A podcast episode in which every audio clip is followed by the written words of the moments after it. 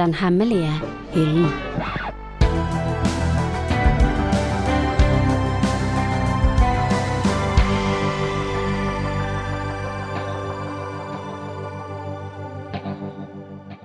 Hei, og velkommen til siste Den hemmelige hyllen-episoden for denne sesongen. Eh, Mitt navn er Joannena. Jeg er litteraturformidler her på Hovedbiblioteket i Bergen. Og i Den hemmelige hyllen snakker vi om bøker som vi mener må lånes og leses mer. Eh, Jeg er heldigvis ikke alene på dette oppdraget. Med meg har jeg veldig gode kolleger Hanne og Robin. Hei, hei. Hei, kjekt å være her. Hei og velkommen. Eh, De begge to er altså litteraturfamilie her på Hovedbiblioteket. Og siden det er en siste episode før sommer, så skal vi snakke om bøker som vi anbefaler som sommerlesning til hytte og byferie og sørferie. Og springen eller hvor dere er, så er det alltid eh, godt å ha med seg en bok, eh, og spesielt en hemmelig bok som eh, dere kanskje har ikke hørt om før. Så vi skal rett på saken. Eh, Robin, hvilken sommerlesning har du tatt med deg i dag?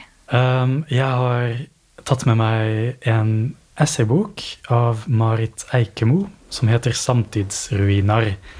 Den er kanskje ikke så hemmelig som den burde være til å være med på dette showet her.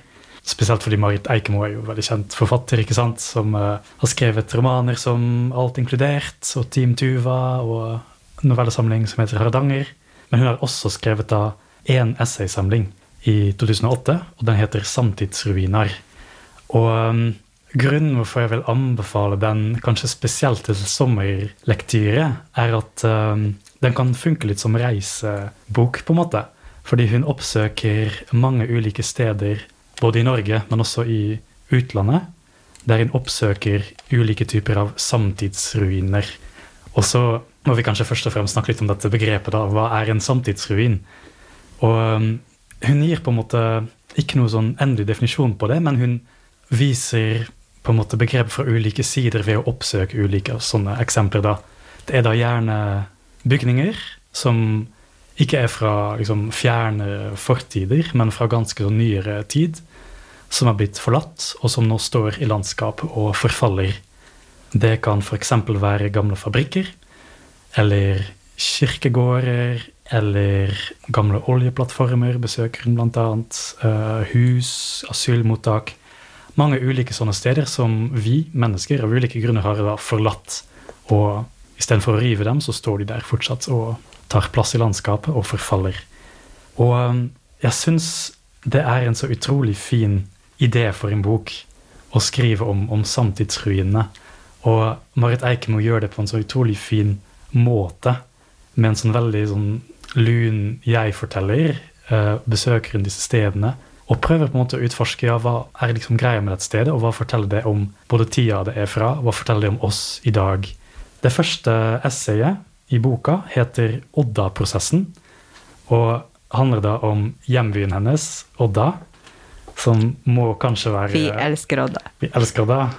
Både pga. litteraturfestivalen, men også pga. at det må jo være Nordens Detroit. ikke sant? Det er en herlig plass. fullt av uh, gamle fabrikksruiner og så hun går på tur der, da, i dette gamle smelteverket som ble nedlagt på tidlig 2000-tallet, og reflekterer rundt ja, den gamle, forsvunne industrikulturen og samfunnet som fantes der, og hva det har gjort med folkene som ble igjen. Kanskje det mest heftigste, eller det, det som jeg syns er det mest intense essayet å lese, heter 'Ingen tittel på grava'. Der oppsøker hun det gamle psykiatriske sykehuset på Valen som uh, Olav Hauge var innlagt Olaf der. Hauge var innlagt der. Nettopp. Hun uh, prøver å finne først og fremst den kirkegården der alle de pasientene etterpå ble gravlagt. Og så finner hun ut av at mange av disse steinene har ikke navn. Det er bare sånne tomme stein som står der som gravsteiner. Så begynner hun å tenke ja, hva har det å si? Visste de ikke navnene, eller var, det ikke, var de, ikke disse personene verdt nok at de skulle få stein med navn på. Og så skriver hun om på en måte hele den historien da, som er knytta til Valen psykiatrisk sykehus, både om Olav og Hauge, men også om alt dette med lobotomi som skjedde der. Og disse delene av teksten er ganske så grusom å lese. Altså. Uh, hun beskriver veldig nøyaktig hvordan dette foregikk. Og også at spesielt på Varen så hadde de en helt egen type lobotomi som de drev med, som het ispig-metoden. Som gikk ut på at istedenfor å med vanlig lobotomi så, så borer man hull gjennom hodeskallen. Men med den ispig-metoden så gikk man bare direkte gjennom øyehullet. Herregud.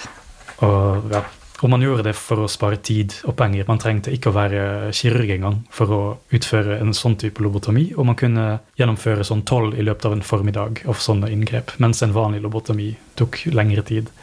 Så ganske sånn grusom og skjult del av vår historie, egentlig. Vår nære fortid er ganske grotesk. Sant. 50-tallet i Norge. Så. Men samtidig skriver hun også om Eller hun har også hele tiden en sånn usikkerhet til seg selv, da når hun oppsøker disse stedene. Akkurat på, dette, på denne kirkegården i Valen så skriver hun Er jeg morbid som bare valser inn hit? Fra en annen tid, fra en annen stad. Trodde jeg at jeg ville oppleve noe, at denne staden hadde noe den ville seie meg. Så igjen liksom stille spørsmålstegn ved ja, hva er det egentlig jeg driver med her? Er ikke det også litt sånn sensasjonalistisk uh, av meg som forfatter? Og det syns jeg kler teksten godt, da, at hun kommer med en sånn inneboende usikkerhet. Så er det ja, mange andre steder hun oppsøker. Hun går til Spania for å finne ut av eh, alle de norske utvandrerne som bor der nå, og hva de driver og bygger av eh, svære villaer. Så oppsøker hun en kjeller i Arna, der um, det blir oppbevart gamle spillautomater som er i ustand, og som bare står der og rustner. Og så tenker hun om dette med når folk satser penger på sånne ting. og taper alt. Og, og så tar hun også en tur til en av de svære oljeanleggene i Nordsjøen, som jo blir dyrker opp, og så blir disse svære installasjonene bare stående der. Oljeeventyret, forhold mellom natur og kultur og ja, alt sånt. Så ja, kort oppsummert, en veldig sånn kul og rik eh, essaysamling. Og mange interessante steder som hun reflekterer rundt på en veldig, veldig fin måte som ja, får meg til å tenke masse nye tanker. Absolutt. Her Høres perfekt ut til sommeren, så man kan også ta utgangspunkt i den type refleksjon. Og oppsøke egne ruiner der man er, og tenke litt hvem, hvor, hva og hvorfor. Mm. Eh, så høres helt perfekt ut. Og Hanne, hva er du med deg? Eh, det viktigste kriteriet for meg i en god sommerbok er at det er en jeg blir helt oppslukt i og bare ikke klarer å stoppe å lese. For om sommeren så har man gjerne tid. Og jeg har med meg en bok som jeg leste i ett sluk eh, på tog, og bare var helt eh, oppslukt i verden den eh, malte. Og det er av en forfatter som heter Emily St. John Mendel, og den er oversatt eh, til norsk som 'Overlevelse er ikke nok'. Og eh, originaltittelen er da Station Eleven. Og eh, det som er så fantastisk med Emily St. John Mandel, er at hun er Jeg pleier å sammenligne henne med ja, Margaret Atwood, fordi hun er en forfatter som flere lesere eh, blir tiltrukket av enn kanskje de som konvensjonelt blir kalt for science fiction eller idélitteratur. Men de har de elementene, men setter det i vårt samfunn, og ikke minst fokuserer på karakterer og karakterene sitt indre liv. Så selv om denne her har et eh, postapokalyptisk tema, så handler det likevel mye mer om karakterenes indre reise. Og det eh, det handler mest om, er hvordan kunst, historiefortelling og poesi overlever, eller hva er viktig for oss etter det verste har skjedd? Er det bare overlevelse, eller er det andre ting også? Og før jeg sier mer om det, så må jeg bare nevne at den vant Arthur C. Clarke-prisen, som er en av de mest prestisjetunge science fiction-prisene, men den var også finalist for National Book Awards, som har ingenting med science fiction å gjøre. Så jeg føler det viser på en måte at det er ikke nødvendig egentlig å definere denne boken som enten-eller, og den kan anbefales til absolutt alle som liker en god roman, Eh, på biblioteket så står den også eh, som roman. Men tilbake til det med kunst og poesi og mening. Selve boken starter med at en skuespiller som heter Arthur Leander, står på scenen og gjør sin livsrolle som King Lear.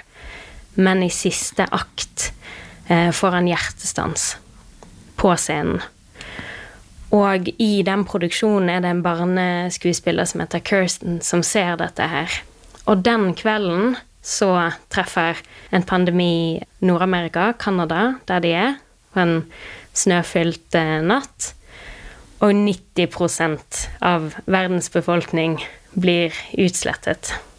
Og vi møter Kirsten igjen 20 år seinere, og da er hun med i en reisende Shakespeare-tripp som reiser rundt i det helt forandrede landskapet der det er på en måte mer sånn små leirer eh, og små bebyggelser, men ingen store sivilisasjoner.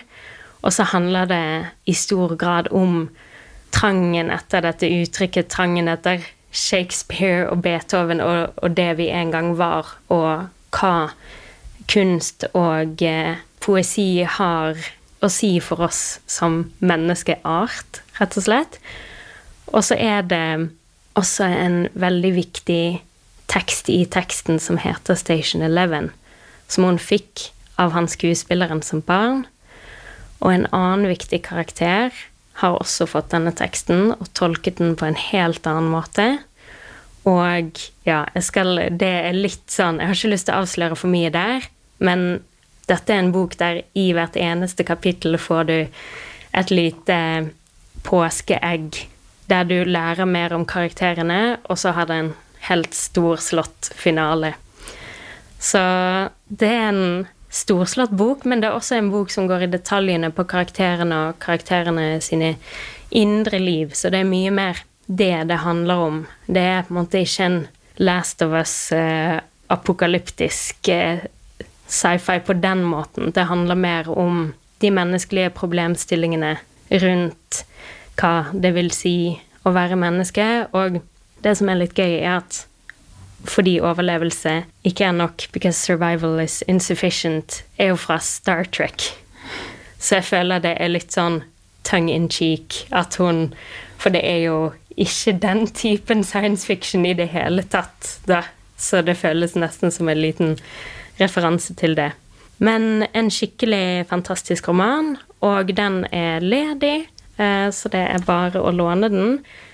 Hun har to andre bøker også, uh, 'Sea of Tranquility' og 'Glass Hotel', men de er det masse reserveringer på, så begynn med denne perlen fra 2016 fordi overlevelse ikke er nok. Nydelig. Jeg tror vi har til og med to eksemplarer. Så det er to heldige sjel som kan få den med seg igjen som løp og lønn. Og sist uh, kommer vi til min anbefaling, og det er veldig viktig, altså veldig fint at du nevnte det med kriterier altså til sommerlesning. På. Mine kriterier var uh, nemlig at det er for alle, at alle kan nytte den boken her. Men også kanskje litt personlig vri. Det er ikke alle som er glad i høy temperatur. Jeg f.eks. strever litt når det er pluss 25 grader og litt over. Da begynner det å koke litt. Så hvorfor ikke få med, med seg litt, noe litt kjølig? Nesten eh, litt gotisk eh, romanaktig, om det går an å si. Men um, den smakebiten jeg skal servere nå, det er en sjanger som er relativt nytt for meg. Altså Det er nemlig grafiske eh, romaner. Og jeg vet at det er veldig mange av våre brukere, og ikke minst kolleger her på biblioteket, som nyter slike historier. Og det er for så vidt eh, mange gode grunner til å gjøre det. Det publiseres en god del eh, kloke, vakre grafiske romaner her for tiden. Og det er for enhver en, avhengig av eh, smak og behag.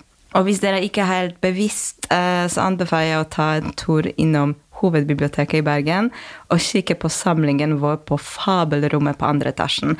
Eh, der det er veldig frodig utvalg. Og den hemmeligheten jeg har tatt med meg, er kanskje ikke så hemmelig igjen for fansen. Men det lånes altfor lite, eh, og det er snakk om Reinhard Kleinst. Han er tysk. Nick Cave, 'Mercy on Me'. Og for de som ikke vet hvem Nick Cave er, han er en musiker, en lyriker, forfatter, visjonær um, og et slags moderne renessansemenneske, om man kan si det slik om tidligere punkere. Og denne boken er en slags uh, reise igjen i Caves estetikk, hans inspirasjon og ikke minst hans kunstneriske og private liv, hvor det private og kunstneriske er i evig spill med hverandre. Eh, hvert kapittel i denne boken er kalt etter en sang skrevet av Cave. Så vi har The Hammer Song, Where the Wild Roses Grow, osv. Og, og det som er veldig artig eh, med den fortellingen, er at Allerede i begynnelsen lærer vi at historien om Cave, altså hans liv, er fortalt av flere stemmer som er tragiske helter i sangene til Cave. Så eh, de kommer opp til livet og forteller oss om hvem eh, Nick Cave er. Og den første som dukker opp, er en skikkelsen fra The Hammer Song. Det er en sånn stakkars cowboy som ble skutt og ligger under et tre, er på vei til å dø, men han har fortsatt tid til å fortelle oss litt om hans skaper, den australskfødte musiker, altså Nick Cave. Og vi begynner, som man ofte gjør i barndommen, i den solfylte Australia, som passer ganske eh, rart til den mørke stemningen som kommer etterpå. For meg har det vært alltid veldig rart å tenke at Nick Cave er fra Australia, av jeg alltid assosiert ham med sånn eh, Edinburgh eller eh, White Moors eller ja. Eh, men han er faktisk fra Australia, og um, der begynner vi med barndommen, den første band, musikalsk prøving og feiling. Han flytter dette til London, også til Berlin. Der er det kjærlighet, eh, dop, visjoner, religiøse ekstaser og alle typer mørke hjørner i menneskets eh, sjel. Og ikke minst fundamenter til den gjenkjennelige melankolsk stil som Nick Cave er kjent for. Og det Eh, som sagt, jeg er ikke så kjent med grafisk roman som sjanger, så det var veldig overraskende for meg hvor tilfredsstillende opplevelse det var å lese den romanen. Var, den hadde en fantastisk flyt eh, som koblet sammen Caves eh, biografiske sannheter med, eh, med, mørke fortellinger som dukker opp i kunsten hans, og som er ikke nødvendigvis realistiske. Det er liksom febrilsk, dynamisk eh, fortelling, delvis fantasmagorisk delvis melankolsk og nydelig, nydelig visuelt gjennomført. Og det føles at den ånden til musikken og stemningen er, er veldig dypt inngravd i, i fortellingen, uh, som alle som liker Nick Cave, vil like dette her. Men ikke bare, det, ikke bare de som er fansen. Jeg tenker folk som nyter uh, det visuelle, folk som har er sans for det gotiske og mørke, folk som vil utforske noe nytt. Folk som kanskje er til og med glad i sånne mm, eventyrfortellinger. Men det er det i Nick Caves sanger så er det motiv fra mytologi, eh, religion, noe som vi kan kalle nå for en true crime.